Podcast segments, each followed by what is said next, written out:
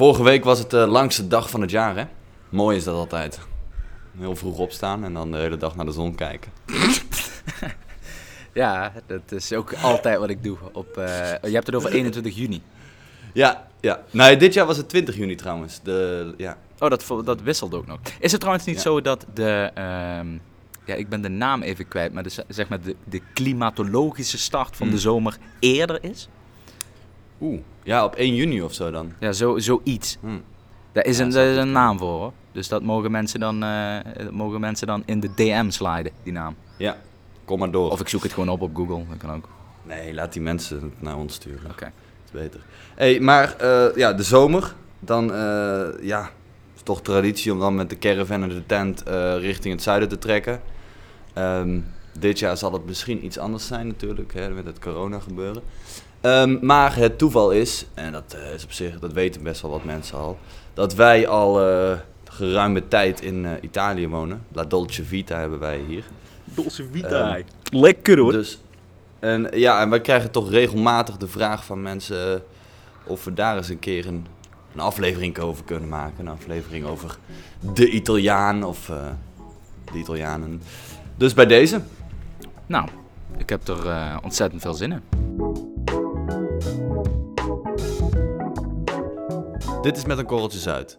In deze podcast nemen we je wekelijks mee naar internationale obscuriteiten en geopolitieke uithoeken. Ongezouten, maar met smaak. Wij zijn Max en Auke. Welkom.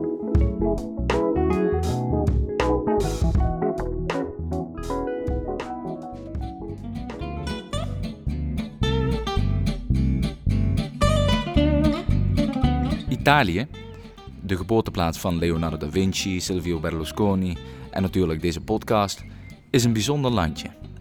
Het land heeft het meeste werelderfgoed ter wereld, het heeft een ongekend lekkere keuken en een gigantische bureaucratie. Vandaag spreken we over een van onze favoriete plekken op deze aarde. Italië, het land van Forbitia.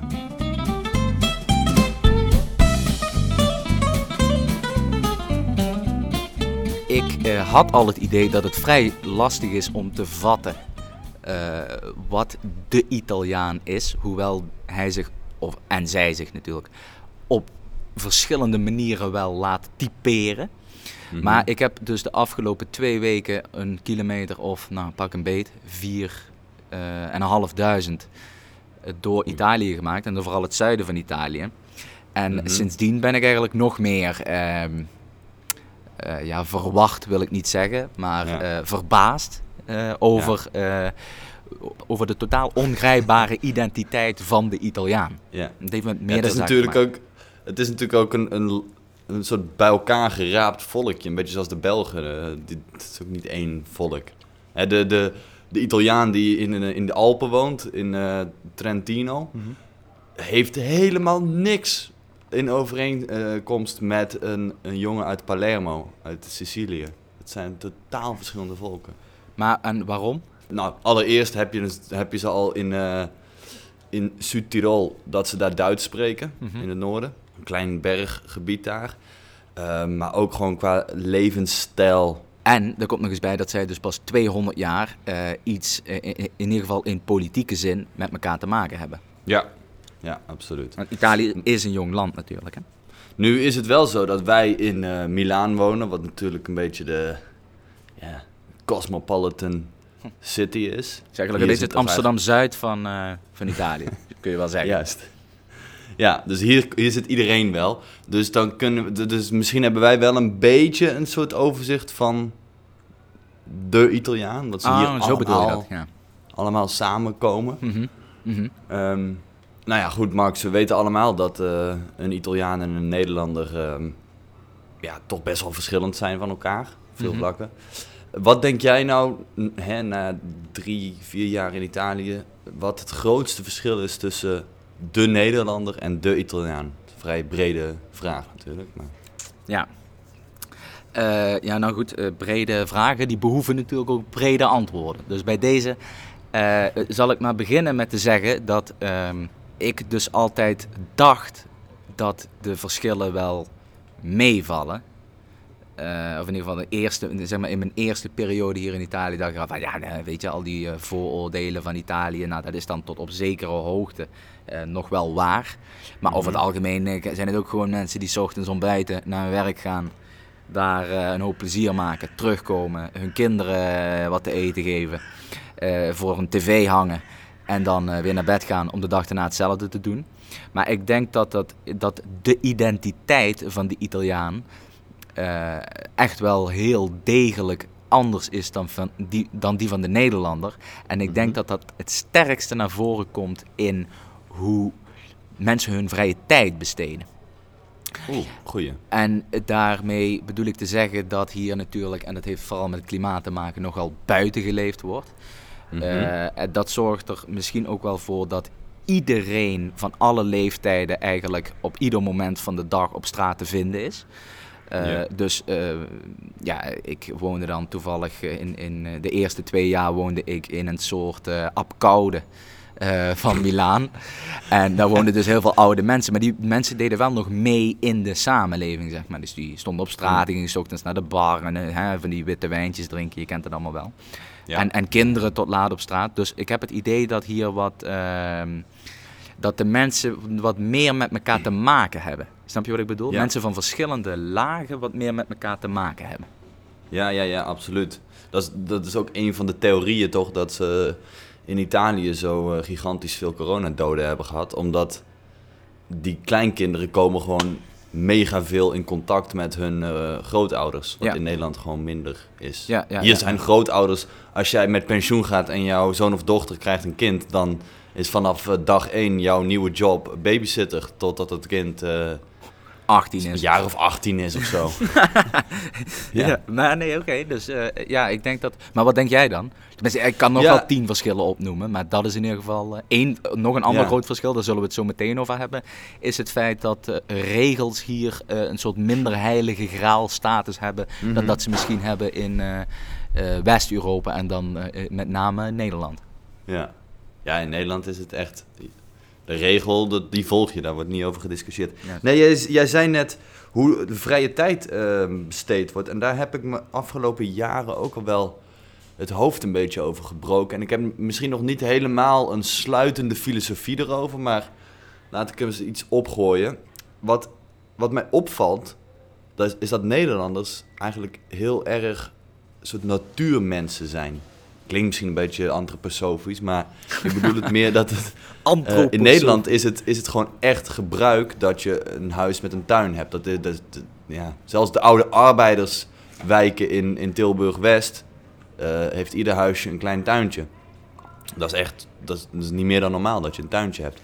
Ehm, hier niet. Hier boeit je dat helemaal niet. Maar ook als je dus redelijk wat, wat centen hebt en je kan een prima huis eh, kopen, dan is het aandeel tuin in, die, in, in, in, in dat huis is echt mega klein. Ja, En ja, meestal ja. wordt er gewoon een garage voor- opgebouwd zodat je je auto kan parkeren. Mhm. Maar ook Nederlanders, hè, hè, ik begon er net over de, de- de vakantie, dan ga je kamperen.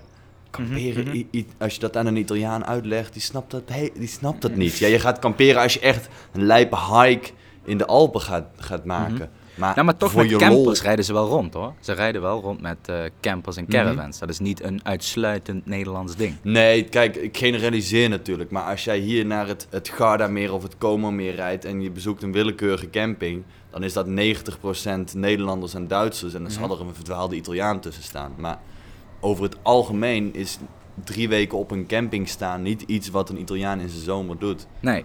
Nu moet ik, die huurt een huisje ik, ik, ik, ik moet daar even op inhaken. Kijk, ik moet ook, eh, eh, misschien moeten we even duidelijk maken aan de luisteraar dat wij hier nog wel drie uur met elkaar kunnen lullen over het verschil tussen de Italiaan en de West-Vlaming. Of Ja. wat, wat zijn nou de specifieke karakteristieken van een Italiaan, van het land, van het bestuur, van dit, van dat. Maar we, moeten een beetje, we moeten hier een beetje op gevoel eh, sturen in de podcast. Maar je mag in Italië heel erg veel eh, dingen, of in ieder geval heel erg veel dingen worden ofwel geaccepteerd of door de vingers gezien, die je niet in Nederland eh, hebt. Bijvoorbeeld Uh, een, een, hele grote groep volwassen mannen die uh, gewoon uh, volledig midden in een park tien, tien schapen grillen en daar 600 liter bier bij drinken. Gewoon heel rustig met een muziekje en dan later weer naar huis. Of dat je, weet ik veel wat, je auto driedubbel parkeert. zodat, op de stoep, de, de, ja. op, of op de stoep inderdaad. Zodat degene die in de middelste lijn staat de komende 84 weken naar zijn auto kan fluiten. Dus ja, hoe moet ik dat zeggen? Je, je, je bent misschien wat, je wordt wat minder aangekeken of zo op de dingen die je doet. Ik denk dat de Ja. persoonlijke vrijheid in die zin wat meer, of in ieder geval dat idee heb ik. Hè? Dus dat je wat meer kunt eh, maken op Mhm. dat, op dat Dus gebied. ze, ze, ze grijpen veel meer naar ieder stukje vrijheid dat je krijgt, wordt in Italië met beide handen aangegrepen. Ja, precies, precies. Als, Dus- als, als je op, de, op een brede weg rijdt en het is eigenlijk een tweebaansweg, maar kan ook met drieën. Dan doen ze het met drieën. Je ziet ook nu in Italië eh, dat hier, eh, ja goed, Italië was natuurlijk als eerste geraakt met, die, met dat coronavirus. Nu is dan Mhm. de, de lockdown er vanaf. En de lockdown is er hier echt vanaf, hè? Je Maar ziet, echt, hè? wij, wij waren eergisteren eh op zaterdagavond bij Arco della Pace, een prachtige ark, een soort arc de triomphe van Milaan, een biertje aan het drinken. Maar wij zaten Ja. daar met, nou, pak een beet, duizend anderen. Daar stonden heel wat dronken tieners, ja. Dus, eh, en ik heb niet het idee dat dat een heel problematisch ding is in Italië. Snap je wat ik bedoel? Dat samen leven, samen op straat, samen aankloten, Mhm. dat wordt toch... eh, ja, ik weet niet, dat heeft een andere status dan bij ons. Ja, ja, ja, ja, mee eens. Maar dat haakt een beetje in met het volgende. Wij hebben een boekje gelezen, of ik heb hem bijna uit, van eh, meneer John Hooper. Het heet The Italians. Het is in het Engels geschreven. Hij is een ehm, journalist van The Economist, eh, geloof ik. Ja. En hij heeft een jaar of twintig in Italië gewoond. En heeft een, ja, een boek geschreven, de naam zegt het al, The Italians, over de Italiaan. En hij, eh, ergens halverwege het boek, komt met een soort term. En hij noemt dat unethical familiarism. Eh, waar, en daarmee omschrijft hij eigenlijk, ehm, en met name de Zuid-Italianen. Eh, wat bedoelt hij daarmee? Hij zegt, het probleem in Zuid-Italië, je ziet dat, dat dat is gewoon een stuk armer dan hier in het noorden. En waarom is dat nou zo arm? Want, ze hebben in principe heel veel eh, resources. Ze kunnen ontzettend veel landbouwbedrijven daar, olijfbomen, noem maar op. Toerisme, ook dat. Eh, maar waarom komt dat niet van de grond en waarom blijven die mensen echt arm? En eh, dat legt hij dus uit aan de hand van de unethical familiarism. En daarmee bedoelt hij dat in het zuiden van Italië de familieband sterk is, maar ook dusdanig sterk dat je eigenlijk alleen maar de familie vertrouwt. En alles daarbuiten, eh, daar kijk je met enige sceptisch tegenaan. Dus dat Mhm. wordt, dan wordt het heel moeilijk om als boer bijvoorbeeld samen te gaan werken met andere boeren in de regio. Om zo eh, enige afspraken onderling te maken, want je vertrouwt niemand.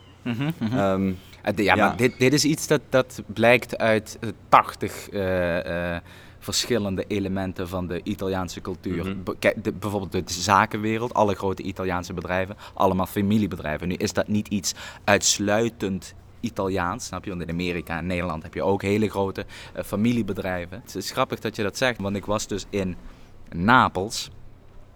Eh, daar heb ik jou zaterdag al over verteld. Maar ik zal, ik zal de luisteraar ook nog even doen meegenieten van wat ik daar allemaal Ja. mee heb gemaakt. Jij in- was afgelopen week in Napels. Ja, ja. ja. ik heb er zin in. Ah. Let's go. Ehm, als je vanuit Nederland naar Italië rijdt en dan Milaan, waarvan de Italianen vinden dat het perfect georganiseerd is, dan kan ik me heel goed voorstellen dat je denkt: hmm, het is hier eh, aan zich oké georganiseerd, maar het is niet je van het. Nee. Nu ben ik dit wel een beetje gewend. Maar ik ben in de auto gestapt en naar Napels gereden. Ja, dat is dus echt. Ik denk serieus dat het centrum van Mumbai er beter georganiseerd bij ligt dan het centrum van Napels.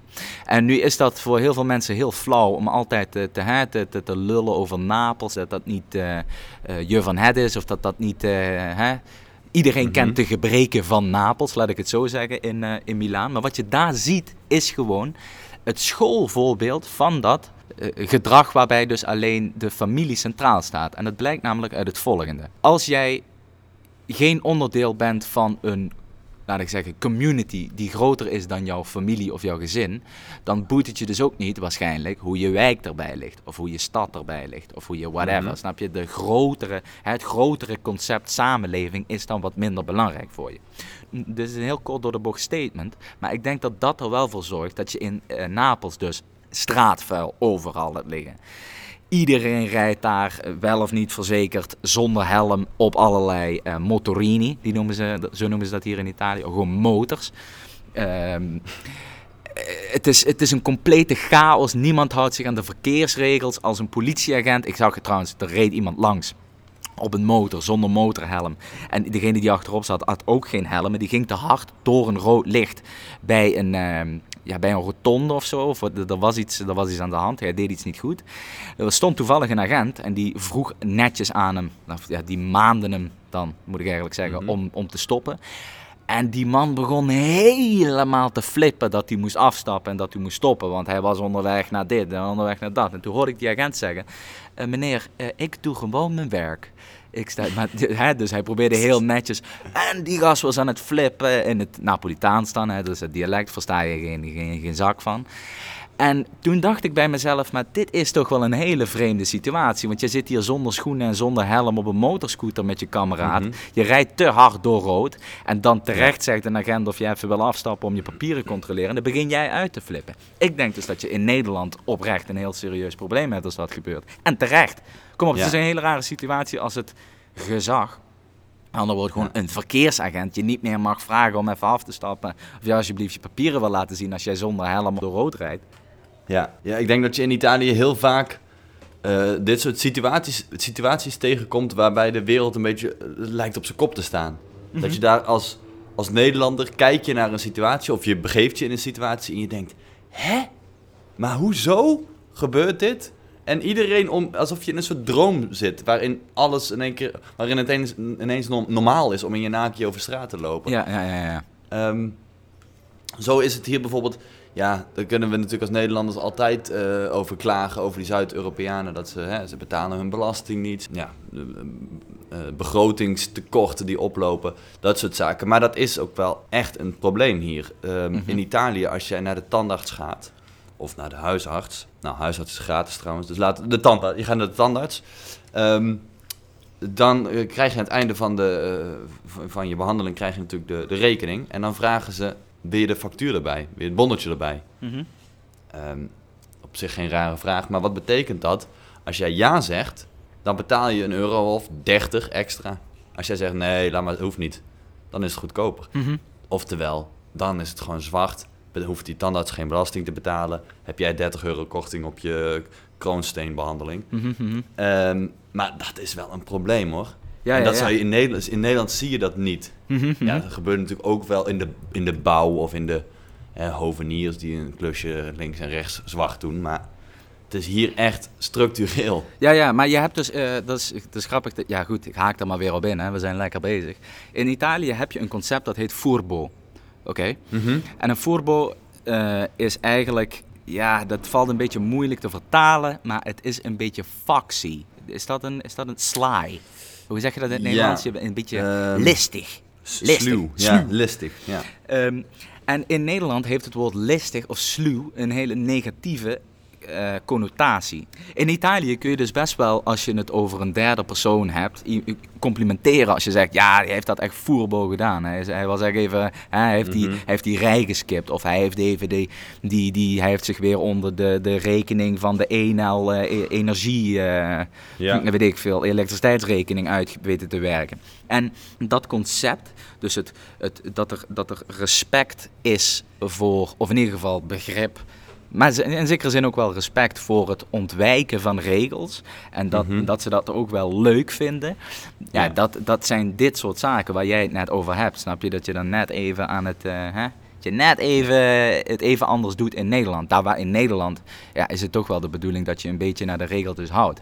Nu is Ja, maar dat... in Nederland is het ook een soort sociaal.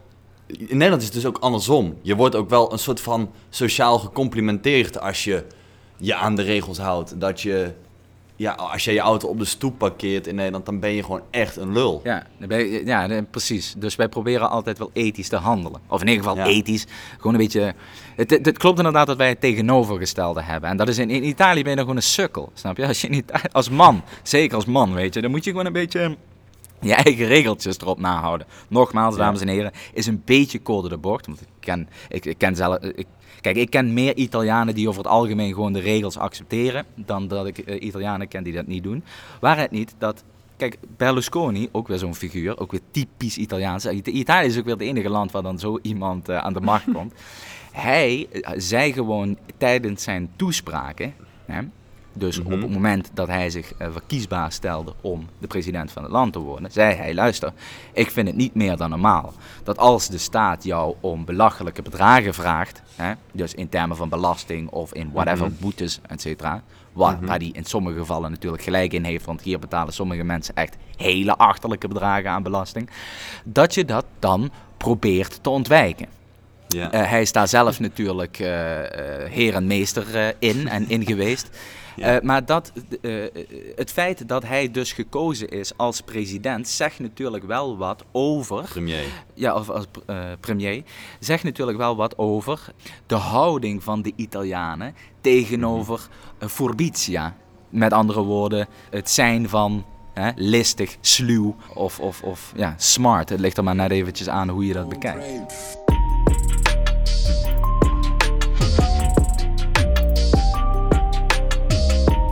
Dan iets anders. Het eten. Eh, want als je Italië bespreekt, dan hoort het hoofdstuk eten daar eh, natuurlijk in. Want het eten hebben ze hier heel zwaar on lock en is ook echt heilig. Eh, waar je in Nederland een half uurtje lunchpauze krijgt en dan drie boterhammen met kaas naar binnen werkt. Ehm, dat doen ze hier niet. Hè. Hier is het echt een hele serieuze maaltijd. Om, om één uur 's middags, een uur lunchpauze. Ehm, Soms twee. Soms twee, ja, ja, ja. Ik vind het mooi. Ik woon nu twee jaar in Italië. En op het begin vond ik heel veel dingen van Italianen heel raar. Hè, wat, wat we net bespraken, dat die wereld op zijn kop lijkt te staan. Ehm, maar nu begin ik steeds meer naar Nederland te kijken en denk ik... Ja, maar Nederland doet ook dingen echt heel raar. Bijvoorbeeld ja, dat lunchen. Ja. Een half uurtje, drie boterhammen met kaas Mhm. en that's it. Dat is A, ongezond gewoon. Mhm. Ehm, Al was het maar mentaal. ja, en, ja. en B, eh, het, is ook gewoon helemaal niet leuk of zo. Hier Nee. is, een, is het echt een maaltijd waar je samen zit Mhm. en je bespreekt de dag of whatever. Mhm. Ehm, ik ben daar wel voorstander van. Eh, Daar ben ik het ook mee eens. Waarheid niet dat ik denk dat het gemiddelde Nederlandse gerecht uit de, de handen van de gemiddelde Nederlandse huiskok zich niet heel erg leent om daar een uur eh, lekker in te gaan liggen prikken. Daar waar je in Italië natuurlijk gewoon pasta's voorgeschoteld krijgt door willekeurige... Gewoon vrienden van mij. Vorige zomer waren we naar eh, een, huis van een of andere vriend van mij. Of nee, ik moet zeggen naar een of ander huis van een vriend van mij. Aan een meer. En ik was zo, ja, ik weet niet, ik moet nog even wat eten. Eh, hebben we nog... ja, is er nog iets te eten? Nou goed. Ik was even met iets anders bezig. Even naar de wc gegaan, weet ik veel wat. Nou, ik kwam terug, stond daar gewoon een zieke eh, spaghetti ai frutti di mare met zeevruchten voor mijn neus, met meloen en dit en dat. Ik zeg, hè? Hoe, hoe, hoe, hoe kom je hier nou aan? Hij zei, ja, net even gemaakt. Ik zeg, hè? met, met, er zitten zeevruchten in. Dan moet je toch allemaal... Ja, nee, dat- doe normaal, man. Moet je gewoon... eh? Je moet, het gewoon, eh, je moet het gewoon koken, even de tijd voor nemen en geen gezeik. Dus, Ja. eh, kijk, dat, dat eten en de kennis over eten, dat is ook heel, heel, heel erg belangrijk. Hè? Dus iedereen in Italië heeft ook wel een soort van basiskennis, overigens vaak op het irritante af. Ja. Want het mag absoluut, eh, het, is, het is niet, eh, je moet daar niet in vernieuwen, zeg maar. Want dat is, Nee, een, een, een nieuwe pasta bolognese bestaat niet. Nee, overigens bestaat de pasta bolognese sowieso niet. Hè? Dus dat is de pasta, de, de, de, de tagliatelle al ragu. Eh, en van als je dus het woord bolognese al laat vallen, dan draaien hun magen zich ook ehm, toch wel redelijk om. En, maar goed, het is allemaal lachen, weet je wel. Dan kun je een beetje, eh, dan kun je een beetje steuken en dan kun je een beetje zeggen, nou, ik vind dat past eigenlijk maar, maar, maar laf, eh, laffe dish. En dan, ja, dan eh, krijg je klappen. ja, dan krijg je klappen inderdaad. Of wat ook altijd een mooie is, is als je zegt, ja, de Franse keuken is toch wel net wat beter. Ja, ja. dan krijg je ze ook zwaar over je flikken. Ja. Maar ehm, ja, wat dat betreft, maar in die keuken zie je wel de essentie ook van de Italiaan, denk ik. En daarmee bedoel ik het volgende. Italianen zijn heel erg conservatief. Wat we net zeiden, je, je kan die Italiaanse keuken niet vernieuwen. En zeker als Hollander niet. Dan Nee. ben je gewoon een... eh, ja, dat zijn gewoon eh, crimes against humanity in de, volgens de Geneva Convention. Ja. Als jij hier eh, Philadelphia saus door je pasta roert, dan, dan, Wow, joh, dan kijken ze echt aan alsof ze Ja. water zien fikken.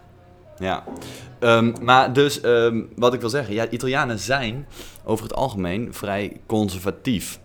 Mhm, mhm. Ehm, komt natuurlijk omdat de kerk hier toch een flinke vinger in de pap heeft en heeft gehad.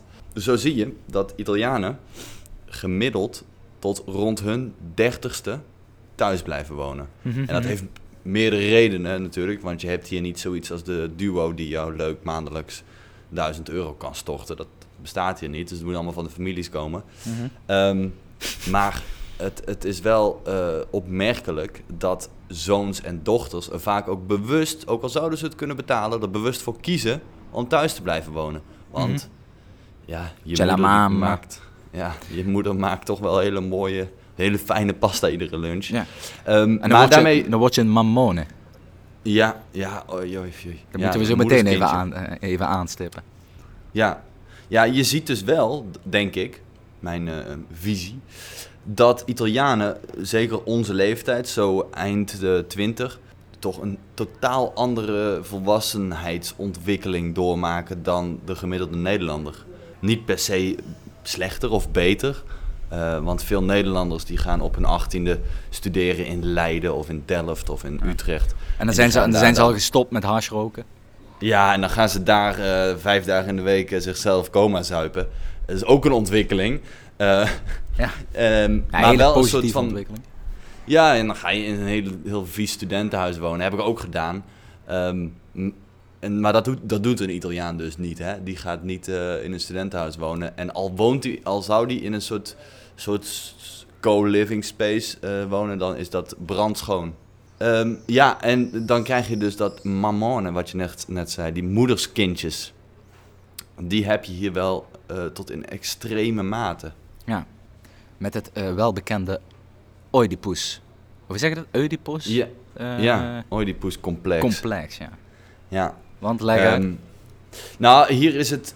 Ja, het is ook een soort cultuur dat als je als moeder een zoon voortbrengt, dan is dat toch net wat beter dan als je een dochter voortbrengt. Zo, dit is een statement hoor.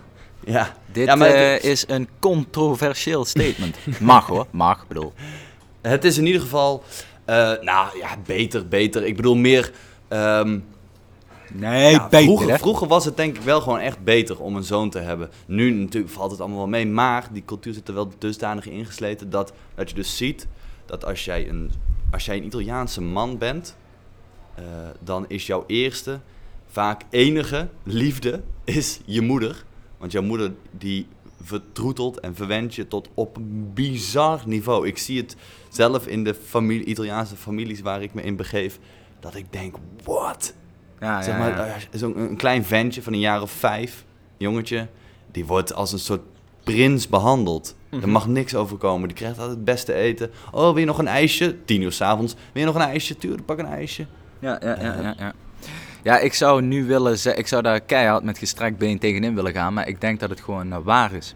In Italië, ja, het is, ja, het, is, het is gewoon een cultureel ding. Inderdaad, mensen, eh, mannen houden gewoon heel erg veel van hun moeder. En dat is natuurlijk in heel veel gevallen ontzettend terecht, want het zijn ontzettend lieve moeders. Mhm. Ehm, maar inderdaad, ook dat heeft weer een orthodoxe kant. Hè? Dit, dit is weer onderdeel van, van, de, van de orthodoxie van de Italiaan. Ehm, nu is het zo dat Italië wel, en dat is weer, een, eh, dat is weer iets anders, valt me net eh, te binnen, dat er wel een redelijk significant verschil zit eh, tussen de mensen uit het noorden van Italië en dan specifiek alles boven de Po-rivier. En Mhm. misschien nog met Toscanen inbegrepen, dat zijn ook hele schattige mensen. En Zuid-Italianen, eh, die er toch een wat. mm, hoe moet ik dat nou fatsoenlijk uitleggen? Wat daar het ik denk dat het heel moeilijk is om daar de vinger op te leggen wat het verschil is tussen die twee typen eh, mensen. Nou, probeer het eens op een apolitiek correcte wijze.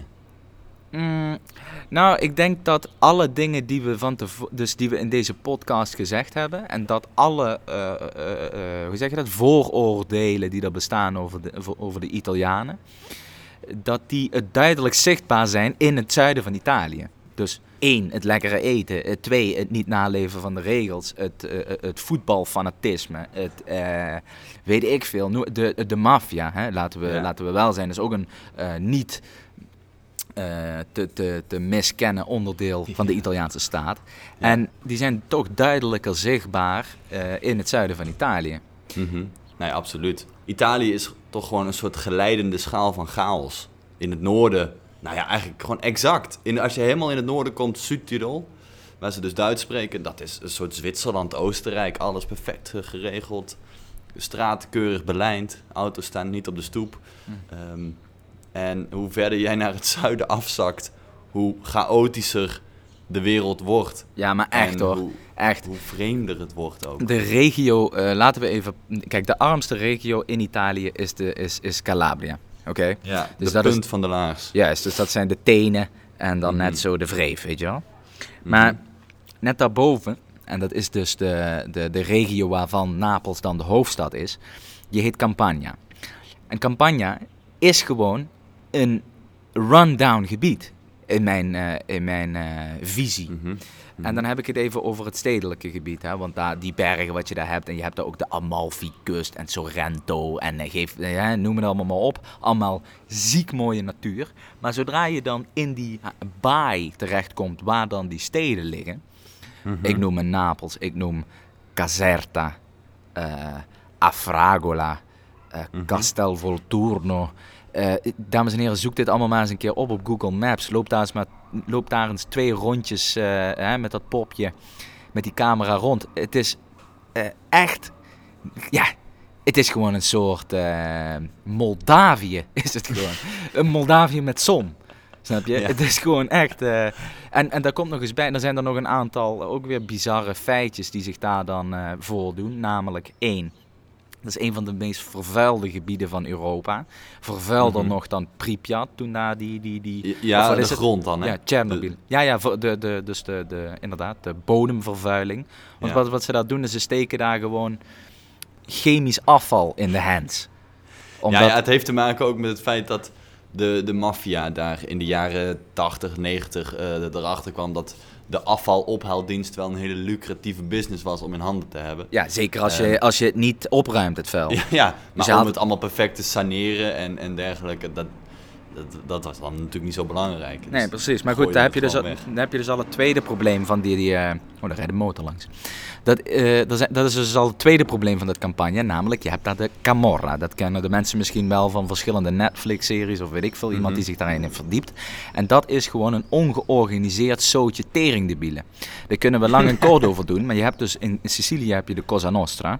Oké. In Ja, die zijn wel Calabria... georganiseerd. Juist, en dat is hiërarchisch. Daar zitten families achter, et cetera, et cetera. Hetzelfde geldt voor Calabria. Daar zit de Andrangheta.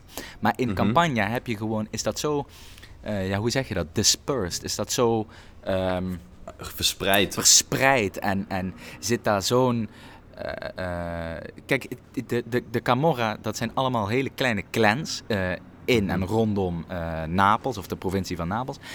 En ja, die, die, die verneuken, zeg maar, hun eigen gebied. Snap je? Dus Ja. daar waar... Het is gewoon de ene clan vecht tegen de andere clan. En dan heb je het letterlijk over een clan die aan het eind van de straat woont. Snap je? Ja. Het is nogal onhandig als je daar een bom aflaat.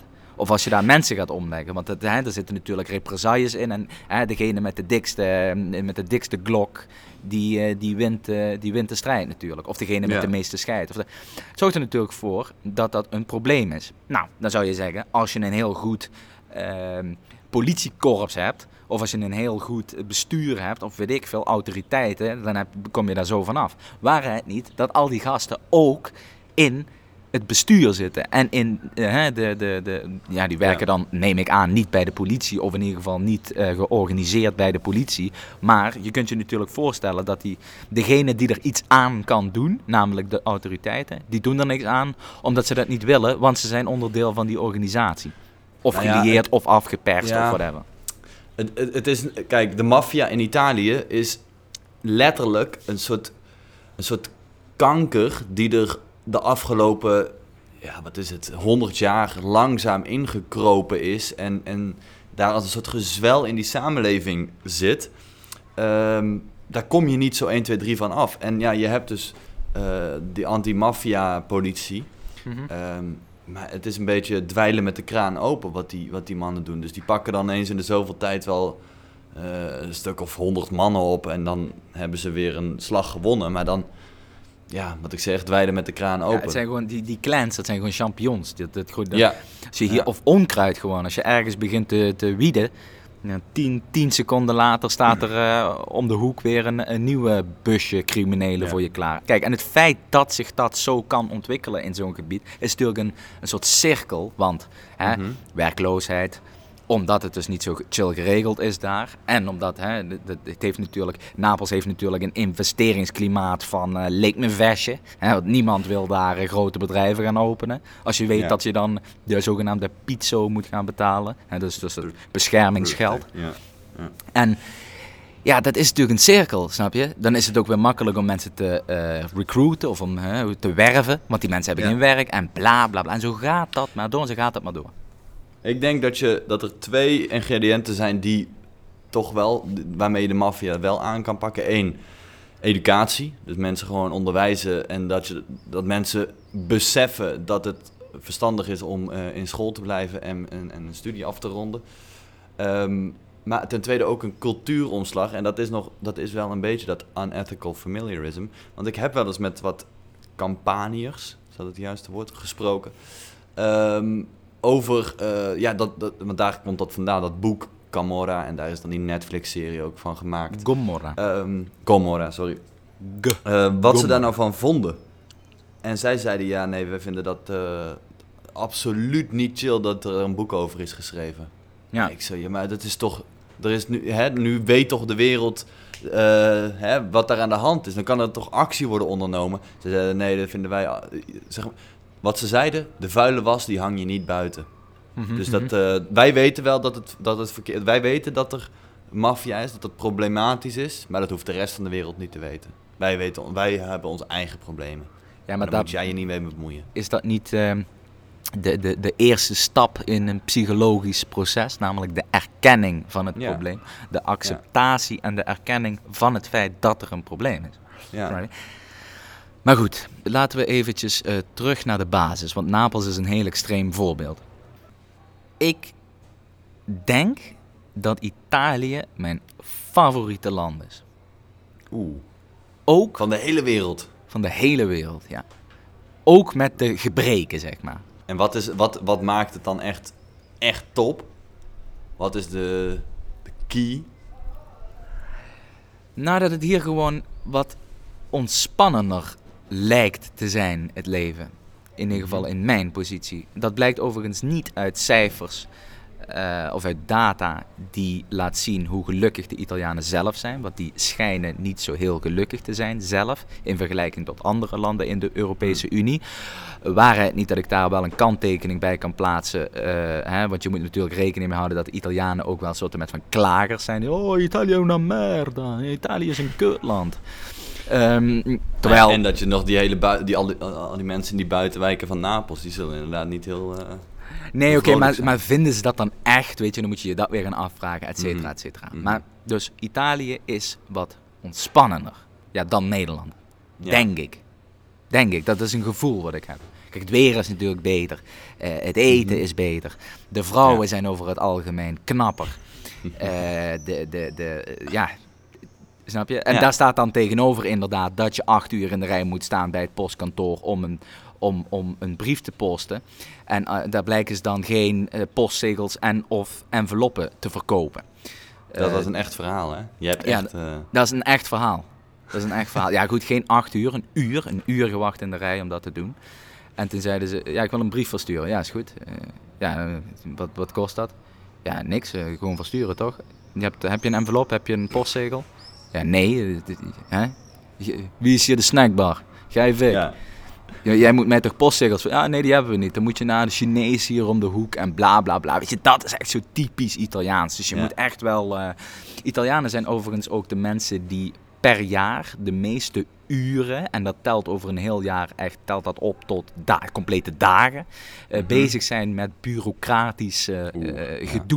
Ze is echt gedoe. Als je hier een cappuccino wil kopen, moet je vier handtekeningen zetten.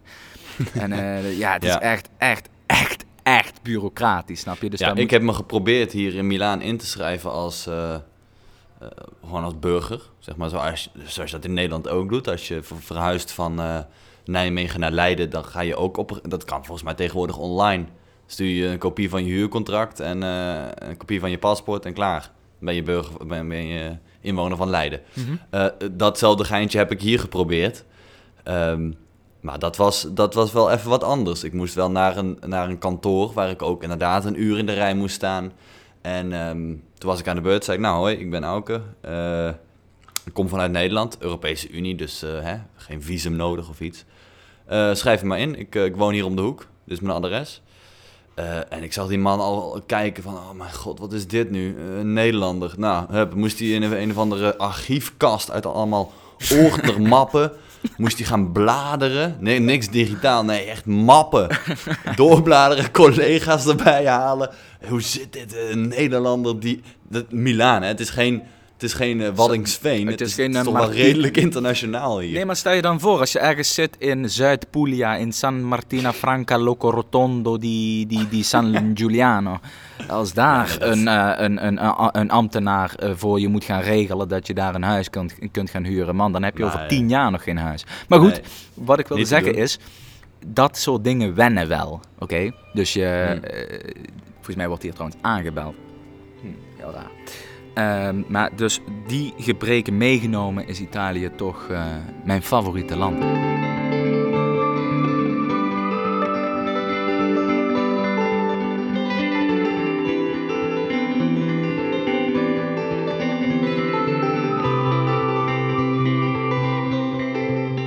Dan, de vakantie.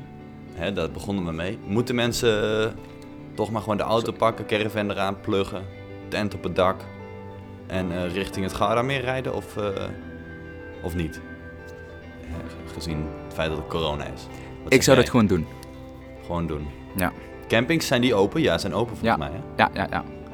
Ja, dus ehm, beste luisteraar, ehm, gooi wat diesel in die auto.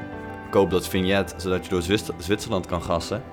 En dan eh, zien we elkaar aan het Gardameer, zou ik zeggen. Dames en heren, arrivederci.